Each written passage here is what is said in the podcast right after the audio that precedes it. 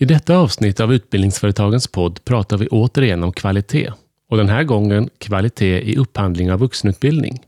Jag heter Johan Winsborn och med mig idag har jag representanter från Sveriges tre största kommuner som kommer att ge sin syn på vad som är viktigt när man upphandlar vuxenutbildning med kvalitet i fokus.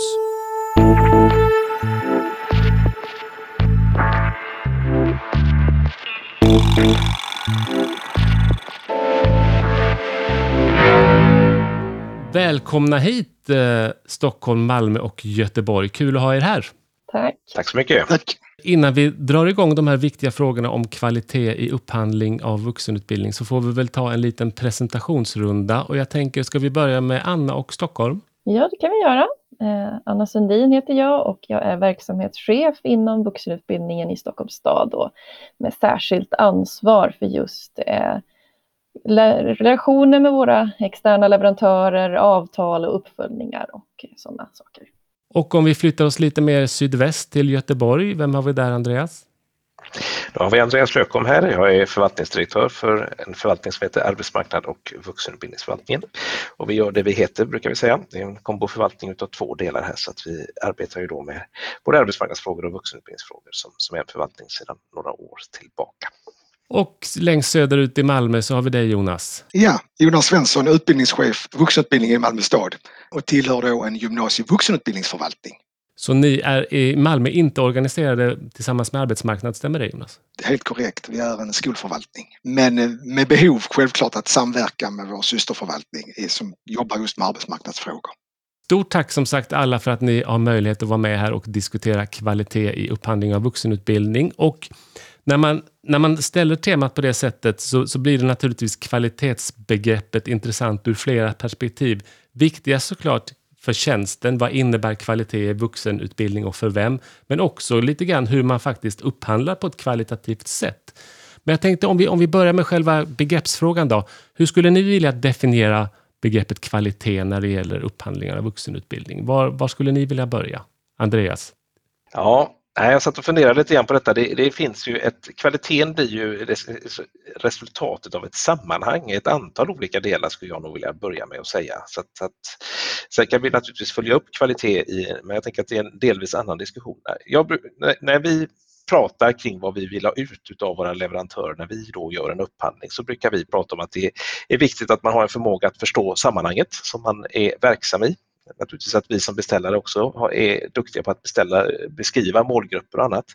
Men att egentligen förstå sammanhanget och en förmåga att driftsätta och genomföra aktiviteter inom en given tidsrymd, det tror jag är viktigt. Och vi tror också att det här med att rollbesätta sin organisation är väldigt viktigt. Vi har ju mängder av olika roller som är viktiga för att vi ska kunna funka bra i ett eh, samspel här, både för elevernas skull och för de samverkanspartner som kanske leverantörerna i sin tur behöver samverka med i, i genomförandet. Och sen har vi naturligtvis kapacitetsfrågan då, att svara upp på en prestation över tid, det tror jag också är viktigt. Och sen har vi då utvecklingsfrågan också, att bedriva en utveckling över tid, både inom ramen för ett tilldelat uppdrag men också att, att se hur, hur landskapet runt omkring oss eh, förändras. Och det finns många exempel på saker och ting vi idag inte kan förutse när vi gör en upphandling som behöver tas om hand under en löpande avtalsperiod. Och sen har vi alla de här formkraven som handlar om grundläggande krav kring miljö och, och skollag och andra sådana saker naturligtvis. Men det finns ändå ett sammanhang här som jag ändå skulle vilja peka på är viktigt på ett väldigt övergripande plan. Anna, hur går dina tankar när man pratar kvalitet i vuxenutbildning och upphandling? Jag håller ju med Andreas om mycket det du nämner.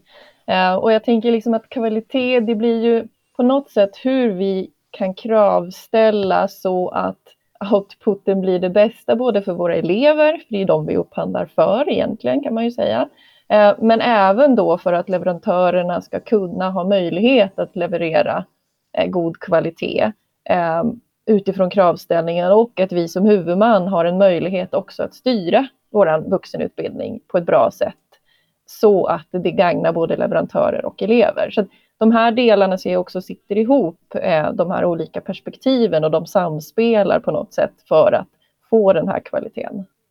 Just det. Jonas? Ja, jag får ju hålla med föregående, båda föregående talare. Det är ju helt korrekt alla de aspekterna. Jag skulle ändå vilja lyfta in lite just eh, tidsaspekten, det flexibiliteten och jag tänker i kvalitetsbegreppet i upphandling ska, handlar det också om att skapa goda förutsättningar för att eh, utbildningarna ska kunna utvecklas och vi vet ju inte vad som händer. Vi vet ju inte ens hur finansieringen ser ut med statsbidrag under en avtalsperiod.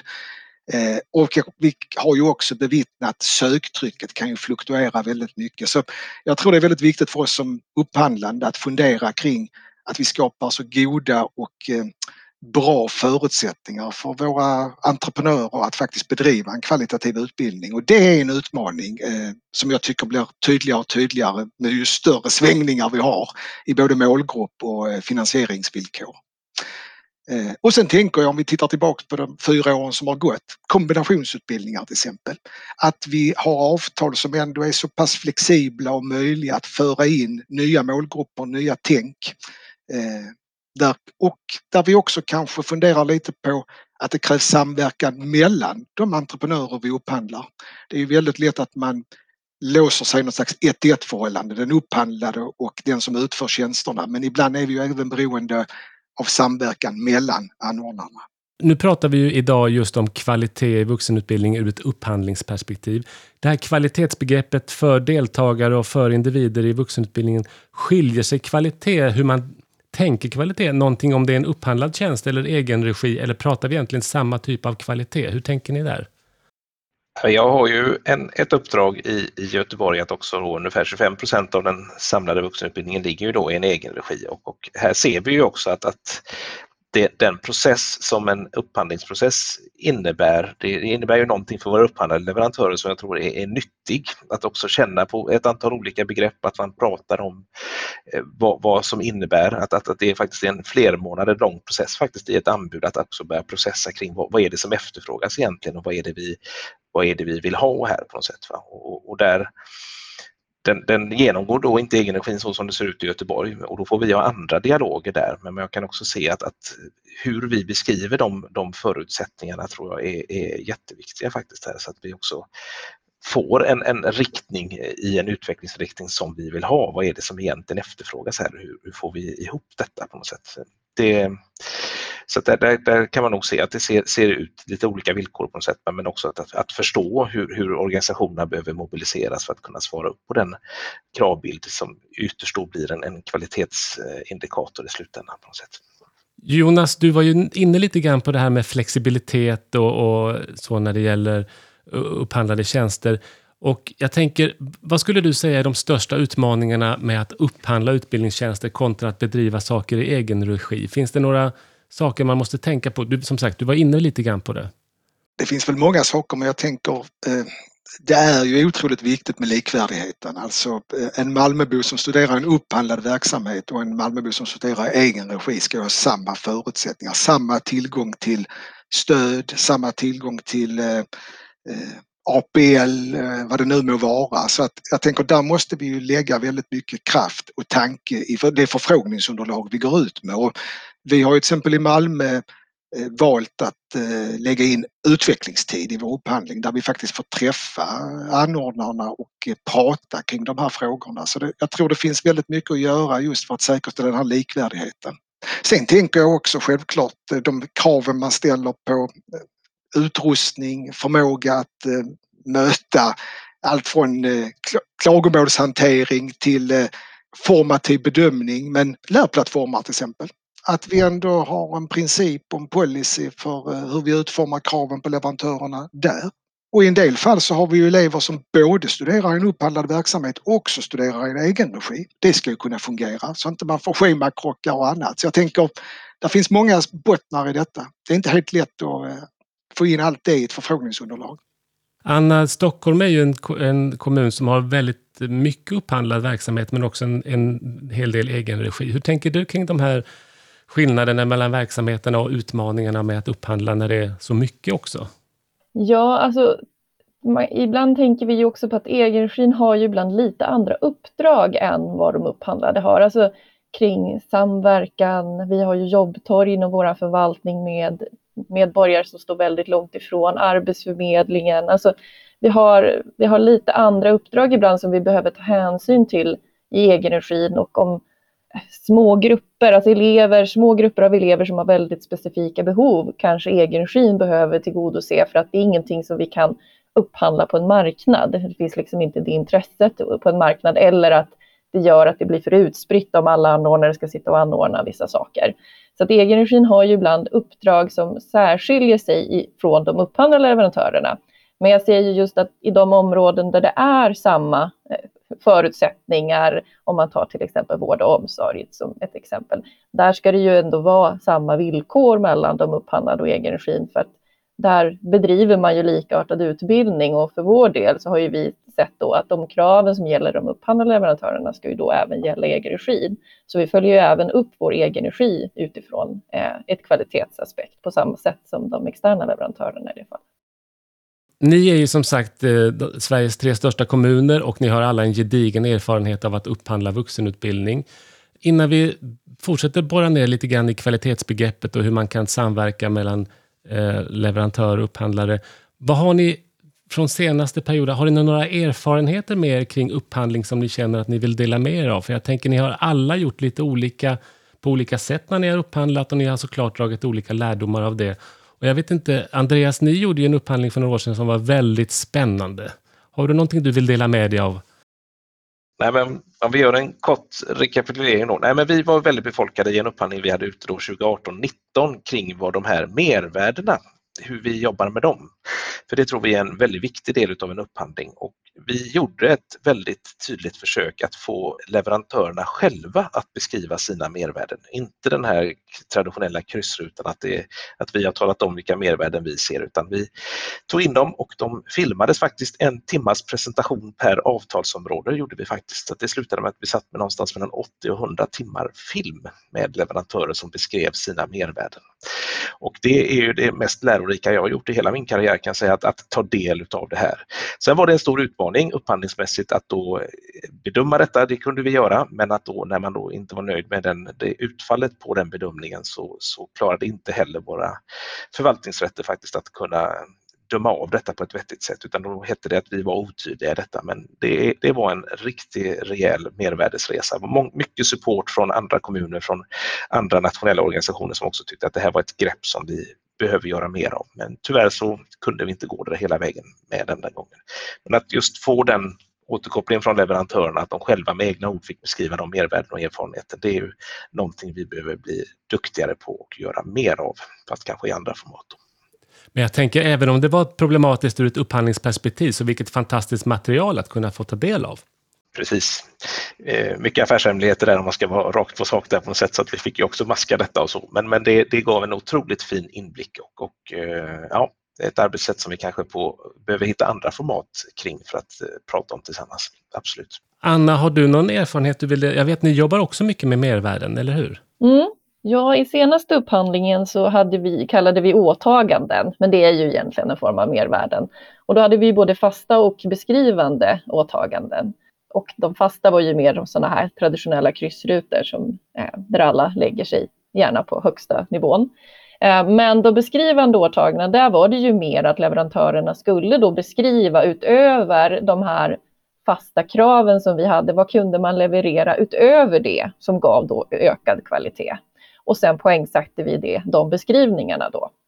Um, och det tyckte vi var ett sätt som fungerade väl. Där kunde vi ändå se att man hade olika beskrivningar, de fick olika poängsättningar. Så. Vi hade 0 till 3 poäng, så att vi hade ingen jätteskala av poängsättningar. Och det tror vi också var bra, för vi har sett att det är väldigt svårt när man använder en väldigt varierad poängskala att hitta de här små nyanserna mellan beskrivningar.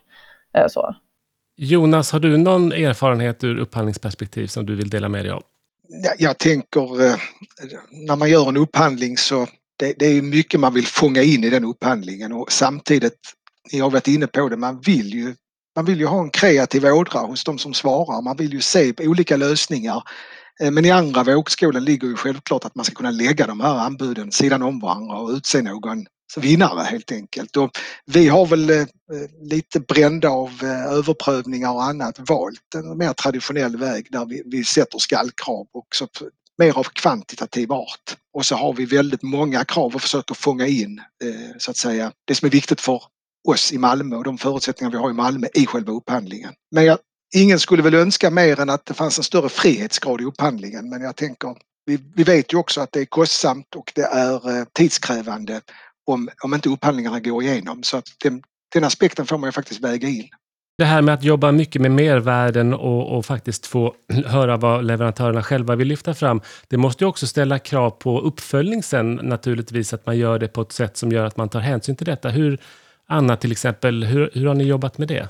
Ja, vi har ju vävt in det i vår uppföljningsmodell. Eh, så när vi är ute på eh, kvalitetsuppföljning som vi kallar det då och då tittar vi både på de grundläggande avtalskraven eh, vi tittar på författningar, alltså skollag och förordningar, hur man lever upp till det. Men vi har även där valt de här beskrivande åtaganden, att vi följer upp ett sådant åtagande per år eh, hos alla då som vi följer upp.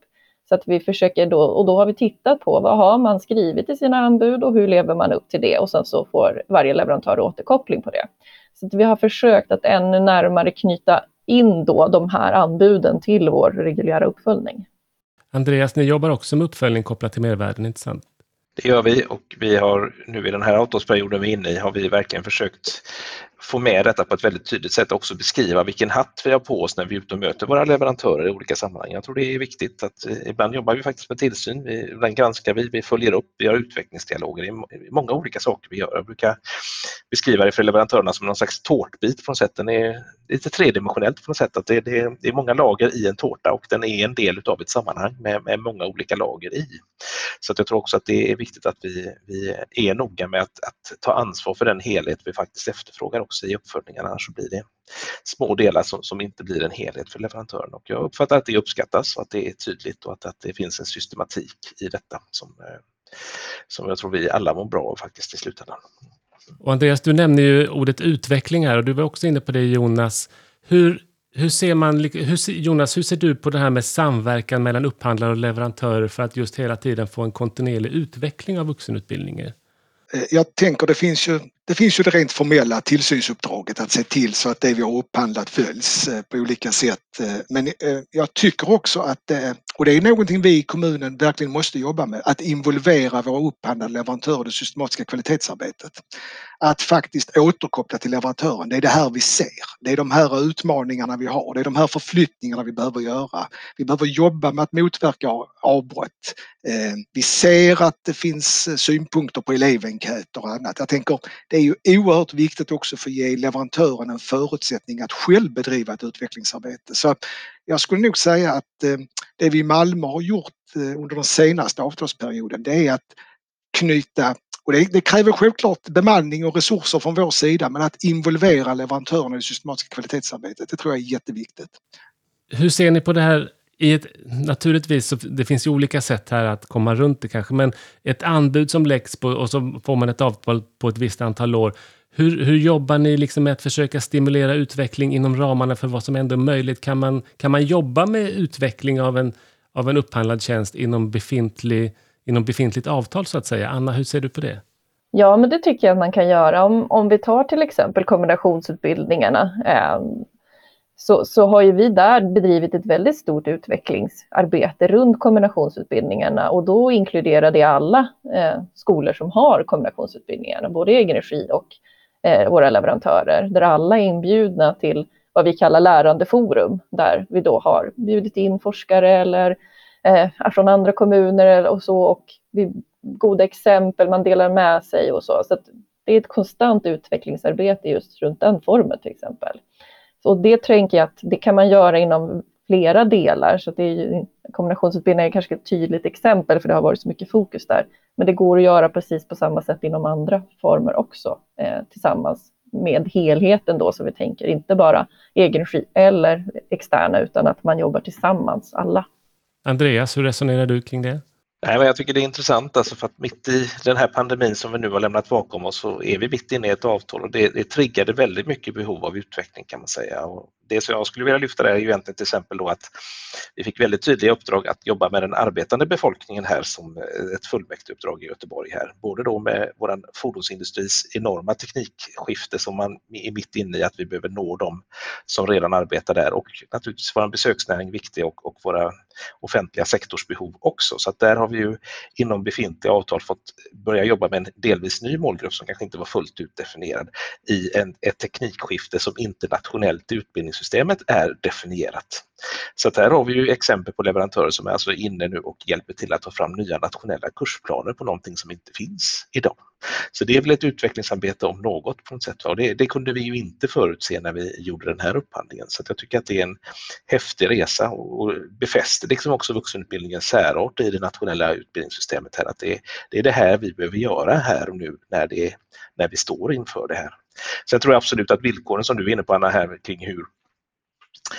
Finns det forskning knuten till vår verksamhet hade det varit intressant. Alltså de initiativ som våra leverantörer tar, ibland att söka projektmedel från Vinnova och annat. Alltså hur kan vi göra detta till en naturlig del av vår samverkan och, och, se att det här också gynnar dem vi är till för på, på sista raden på ett mer tydligt och systematiskt sätt. Det, det saknar jag. Och kanske också mer utav gemensamma forskningsprojekt nationellt där just beforskningen utav vuxenutbildningen ligger ju lite grann i bakkant. Vi har små resurser kring det och framförallt då hur relationen mellan vuxenlärande i både upphandlade aktörer och egen regi belyses mer allsidigt än vad den kanske gör idag. Jag tror också har varit ett viktigt utvecklingsområde. Du nämner ju här Andreas pandemin och det där funderar jag, har ni, har ni andra också dragit några lärdomar kring det som hände under pandemin kring behovet av den enskilde individen när det gäller vuxenutbildning och sätt att, har ni fått några tankar där Jonas? Ja, vi har ju definitivt eh, insett att det är väldigt viktigt att elever faktiskt får vara närvarande på sin utbildning och jag tänker framförallt inom yrkesutbildningarna är det ju svårt digitalt att ersätta många praktiska moment. Så att vi har kanske fått upp ögonen för vikten av att faktiskt eh, anordnarna jobbar med närvaro och eh, deltagande och motivation. Jag skulle ändå vilja knyta tillbaks lite till förra frågan som jag tänker är väldigt intressant för jag tror det är en absolut nödvändighet med tanke på de här långa upphandlingsperioderna vi har att vi faktiskt skapar en förmåga och ett utrymme för utveckling. För det händer ju väldigt mycket med anställningsbarhetsbegreppet. Eh, vi kan ju få, våra leverantörer är ju örat mot rälsen som faktiskt ligger nära branscherna, fångar in signaler och vi uppskattar ju verkligen när de skickar de signalerna vidare till oss. Vad kan vi göra för att någonstans främja att de här utbildningarna som ges verkligen leder till anställningsbarhet. Det är ju ändå ett effektivitetskrav vi har på oss. Eh, och där tänker jag att där måste vi vara beredda på att göra lokal anpassning av yrkespaket etc. så att vi verkligen träffar rätt på den lokala arbetsmarknaden. Så där tänker jag, förutom kombinationsutbildning och annat, så måste vi verkligen ha i vår upphandling utrymme för en dialog kring förändring och att skruva på inriktningar och program. Och där tänker jag att just upphandling ska ju vara ett verktyg för att hitta helt rätt på ett specifikt behov man har i bästa fall såklart. Och där funderar jag, det här med offentlig upphandling är ju naturligtvis både ett, ett, ett bra verktyg för att hitta rätt, men det är, också omgärdat kring massa re, regelverk och lagar, och, vilket gör att Å ena sidan så behöver man ha en bra samverkan och dialog med leverantörerna. Å andra sidan är det en hel del hyss-hyss också när det gäller just upphandling. Hur, hur, resonerar ni kring de här frågorna, kring öppenhet och transparens? och hur, hur kan man resonera där för att få både hålla sig till reglerna och ändå få så mycket dialog som möjligt? Anna? Ja, men jag tycker det är viktigt inför en upphandling att samla in tankar, eh, inspel från våra leverantörer. Alltså både från nuvarande leverantörer som har tankar och idéer om nuvarande avtal och krav och vad som har funkat och inte. Men även leverantörer som vi kanske inte har avtal med för att man har goda exempel från andra håll och kanter som man kan ge inspel eller man har nya tankar och idéer. Men det är ju även en öppenhet liksom mot våra elever och medborgare och vad de har för behov. Så det här måste liksom jag tänker inför en upphandling är det viktigt att få in så många perspektiv som möjligt innan man sen väl börjar liksom skriva ner exakta krav och går in i liksom mycket högre sekretessfrågor kanske. Så just det här att vara öppen i början, ta in inspel, jobba till exempel med en RFI, eh, Request for Information, mot marknaden, testa av frågor och se hur landar det här på marknaden, våra idéer och så. Det tycker jag är jätteviktigt för att bli mer träffsäker i kravställningen som är väldigt svår. Andreas, hur, hur resonerar ni? Nej, men alltså det, det, är ju så att, att det finns ju naturligtvis intresse när eh, förberedandet, eh, alltså när, när, under annonsering och så, men jag tror precis som annat, vi behöver också jobba runt omkring och just den löpande dialogen med leverantörerna fångar vi upp rätt mycket. Jag tycker också det är viktigt att vi tar på oss en roll som kommun kring de människor vi är till för. Jag träffar till exempel ofta eh, andra avtalsparter, till exempel om eh, kundval rösta och matcha kromleverantörer och andra leverantörer till Arbetsförmedlingen också, som vi ibland delar faktiskt, men, men ibland som också är fristående för att också förstå hur hela kartan kring de tjänster vi behöver leverera för de människor vi är till för ser ut och fungerar. Det blir också en, en viktig information att, att, att fånga och det tror jag att vi behöver bli duktigare på. Och det kan ju ske väldigt öppet och transparent och kanske i mer strukturerade dialoger än, än vad vi har idag. Eh, jag tror att det finns ett stort intresse för det, att göra ett, ett bra jobb. Så att det tycker jag också vi ska stimulera och utveckla. Men eh, att beskriva våra behov, att prata öppet om den politiska inriktningen i, i kommunen, vad man, vad man, önskar och att vi ju faktiskt har en, en trumf på hand i att beskriva de målgrupper och deras behov som finns. Det tror jag är, är saker vi behöver använda oss mycket mer av och det är ju inga, inga, inget hysch kring det utan det måste vi vara väldigt tydliga med. Så är det. Jonas, hur resonerar du? Jag har faktiskt inget mer att tillägga än våra, de två föregående kloka inläggen här. Det, det är ju precis så det är det, det var väl fångat. Jättebra samtal. Jag tänker jag har två frågor till innan vi ska runda av här. Och jag tänker om vi nog fortsätter att prata kvalitet i vuxenutbildning och framför allt då för individen, eleven som ska gå där. Vilka förändringar eller vilka faktorer ser ni som särskilt viktiga då ur ett elevperspektiv för att faktiskt få kvalitet i vuxenutbildning? Om vi går laget runt. Anna? För eleverna så ser vi ju nu, eh, det är väl lite det här om vi knyter an till den här pandemieffekten, alltså flexibilitet ser ju vi väldigt starkt efterfrågas från eleverna och, och utifrån kanske att eleven, många elever var med under pandemin och drog och, och, såg hur man kan jobba på ett annat sätt. Att det finns ett större önskemål idag om att kunna kombinera olika former av studier eh, med arbete och så. så att skapa en flexibilitet men att det ändå inte går ut under undervisningens kvalitet. Och det här med att elever också måste delta på undervisning. Den där balansgången ser vi att vi verkligen behöver liksom tänka på eh, för att kunna möta eleverna men å andra sidan ha en god kvalitet i undervisningen. Det är ett exempel. Jättebra exempel. Andreas? Jag har funderat mycket på det faktiskt och vi kan naturligtvis titta på de enskilda skolformerna som vi kanske upphandlar och vi liksom försöker fånga det på lite olika sätt. Men jag tänker också att vi framöver behöver prata om, om mervärdet för den enskilde och hur vi kan forma det på ett bra sätt. Alltså hur, hur skapar vi ett, ett, tydligt sammanhang där vi kanske som, som beställare behöver prata mer om kompetensprofiler, vi kanske behöver prata mer om nyckelkompetenser, vi behöver prata mer om en eh, nyttoorientering utav vår vuxenutbildning som, som inte behöver innebära att vi gör en sämre vuxenutbildning, men sammanhanget som vi sätter den i, i olika kombinationer blir ett större mervärde för den enskilde.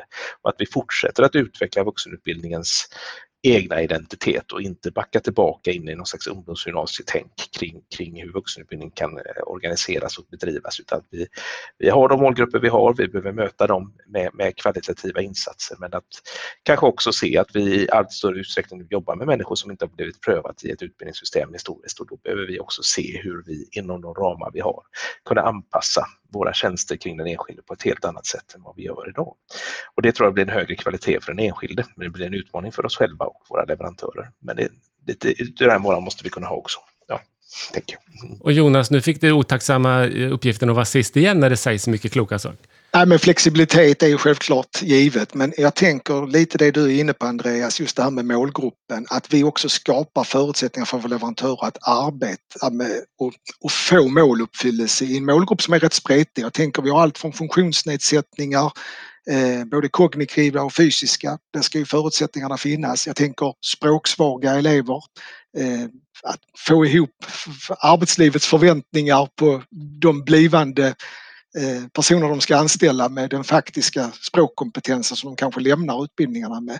Jag tänker att möjliggöra för våra anordnare att använda orienteringskurser, att jobba med språkstödjande insatser. Eh, jätteviktiga bitar. Jättebra. Och som, som sista fråga här, och då börjar vi med dig Jonas. Eh, om, man, om, man, om man tänker på en, den optimala leverantören av vuxenutbildning, eller vad definierar en bra extern anordnare av, av vuxenutbildning när ni får när ni tycker till så att säga? Jonas? Ja, den, den optimala eh, situationen är ju självklart att eh, tillsyn nästan inte behövs utan att vi har en dialog där vi är proaktiva. Vi försöker ha ett resonemang om kommande utmaningar istället för att försöka åtgärda faktiska utmaningar eh, eller redan inträffade. Eh, jag tror väldigt mycket på att eh, leverantören ser, ser att man faktiskt är, det är, det är en skola man bedriver, eh, att man någonstans eh, hygienfaktorerna aldrig behöver komma upp till ytan vad skollagen kräver, förordningar, direktiv och att vi lägger fokus på att när allt det fungerar, då finns det utrymme och möjlighet att prata om utveckling och anpassning av utbildningarna utifrån arbetslivets behov, målgruppens situation och så vidare. Det är väl dit man vill alltid nå. Är det, är det saker man kan styra mot redan i upphandlingsförfarandet? Ja, men delvis tänker jag att skapa förutsättningar. Eh, jag tänker det är ju jätteviktigt. Vi har ju till exempel i Malmö, eh, även om vi har en egen rektor för den upphandlade utbildningen så är det väl kanske viktigt att den som är utbildningsledare faktiskt har rektorskompetens så att man möts i dialogen på rätt nivå och att man kan föra ett samtal där vissa saker är givna. Eh, jag vet att yrkesutbildningar till exempel, där är lärarna undantagna behörighet men då är det ju självklart jätteviktigt ändå att utbildningsanordnarna arbetar med eh, utveckling av personal och annat så att eh, personalen är hemma i den verksamhet de faktiskt bedriver. Eh, och jag tänker också självklart att vi i själva implementationen av eh, en gjord upphandling är väldigt noga med avtalsgenomgång, berättar spelreglerna, hur vi vill att dialogen ska föras och eh, att skapa ett klimat där man så att säga har en öppenhet, där, där leverantören vågar kontakta oss och diskutera utmaningar. Det tänker jag är jätteviktigt. Tack Jonas. Andreas, hur, hur resonerar du om en bra leverantör av vuxenutbildning? Nej, men jag tänker samma som, som Jonas här på något sätt att det, det, det kunna skapa ett, ett, format och ett klimat där, där just de här förtroendefulla delarna kommer in på något sätt. Att, att eh, vi upphandlar ju faktiskt leverantörer för att vi tror att vi behöver komma åt olika kompetenser på något sätt. Va? Och går vi för djupt in i hur-frågorna i, i det förhållandet så ja, då kan vi väl lika väl göra det själva till slut då på något sätt. Va? Utan att det finns någonting där, att det finns ett par grundläggande förutsättningar som vi behöver säkra upp att det fungerar, att, att man organiserar sig kring sitt uppdrag på, på ett trovärdigt sätt och så vidare. Då. Men, men, att vi sen då i det dagliga arbetet har ett väldigt fokus på eleverna och deras kunskapsutveckling. Det är, det är ju det som är det ultimata på något sätt. Va? Och att vi kanske i större utsträckning än idag också ger utrymme för att också jobba med profiler mot olika behovsgrupper som jag tror att vi tillsammans också skulle kunna forma. I praktiken ser jag exempel på det redan idag men det kanske vi också behöver strukturera på ett tydligare sätt och ändå ge eh, den eh, bilden av att vi har väldigt många leverantörer som under en lång tid i Sverige har varit med och bidragit till vuxenutbildningens utveckling som, som också behöver lyftas i, i en debatt här på något sätt. Att vi, vi har kommit dit vi är idag, mycket tack vare att vi naturligtvis som kommuner har varit duktiga beställare och pekat på en utveckling, men vi har också haft ett genomförande som har funkat väldigt bra och det tycker jag att man behöver lyfta mer i, i olika sammanhang på något sätt, att vi tittar på de här profilerna, hur, vart det har, har tagit vägen på något sätt. Och här är en kombination som ni är inne på, både av liksom kompetens hos de som utför tjänsten, men även er som beställer, att ni har kompetens att kräva rätt saker. Anna, sist ut, vad är din bild av en bra leverantör av vuxenutbildning? Men jag håller ju med mycket som redan är sagt, men en sak som vi har sett som ibland utmärker en välfungerande leverantör, det är den här kedjan, alltså att från företagsledning ner till det som händer på golvet, att det finns en samsyn och en dialog mellan. Så att inte leverantören på någon högsta nivå har suttit och tänkt ut massa fina ord och så. Och sen är det inte förankrat hur man faktiskt ska bedriva verksamheten eh, ja, hos rektorerna av lärarna och, liksom, och vägledare och annan personal. Så att just den här dialogkedjan hos leverantören fungerar uppåt och neråt. Ehm, och att det finns en samstämmighet i vad man ska leverera som leverantör, vad man har lovat och vad det finns för krav att liksom leva upp till. Då har vi sett att finns den dialogen, då kan leverantören ofta hantera när det uppstår problem. Man, man vet vilka insatser man behöver göra, man har en systematik i hur man arbetar. Och, och då blir det sällan de här stora problemen och uppkommer det problem, då kan man hantera det på ett vettigt sätt. Vilka kloka slutord där. Stort tack Andreas, Anna och Jonas för att ni var med och pratade kvalitet av vuxenutbildning och upphandling här. Tack så mycket. Tack.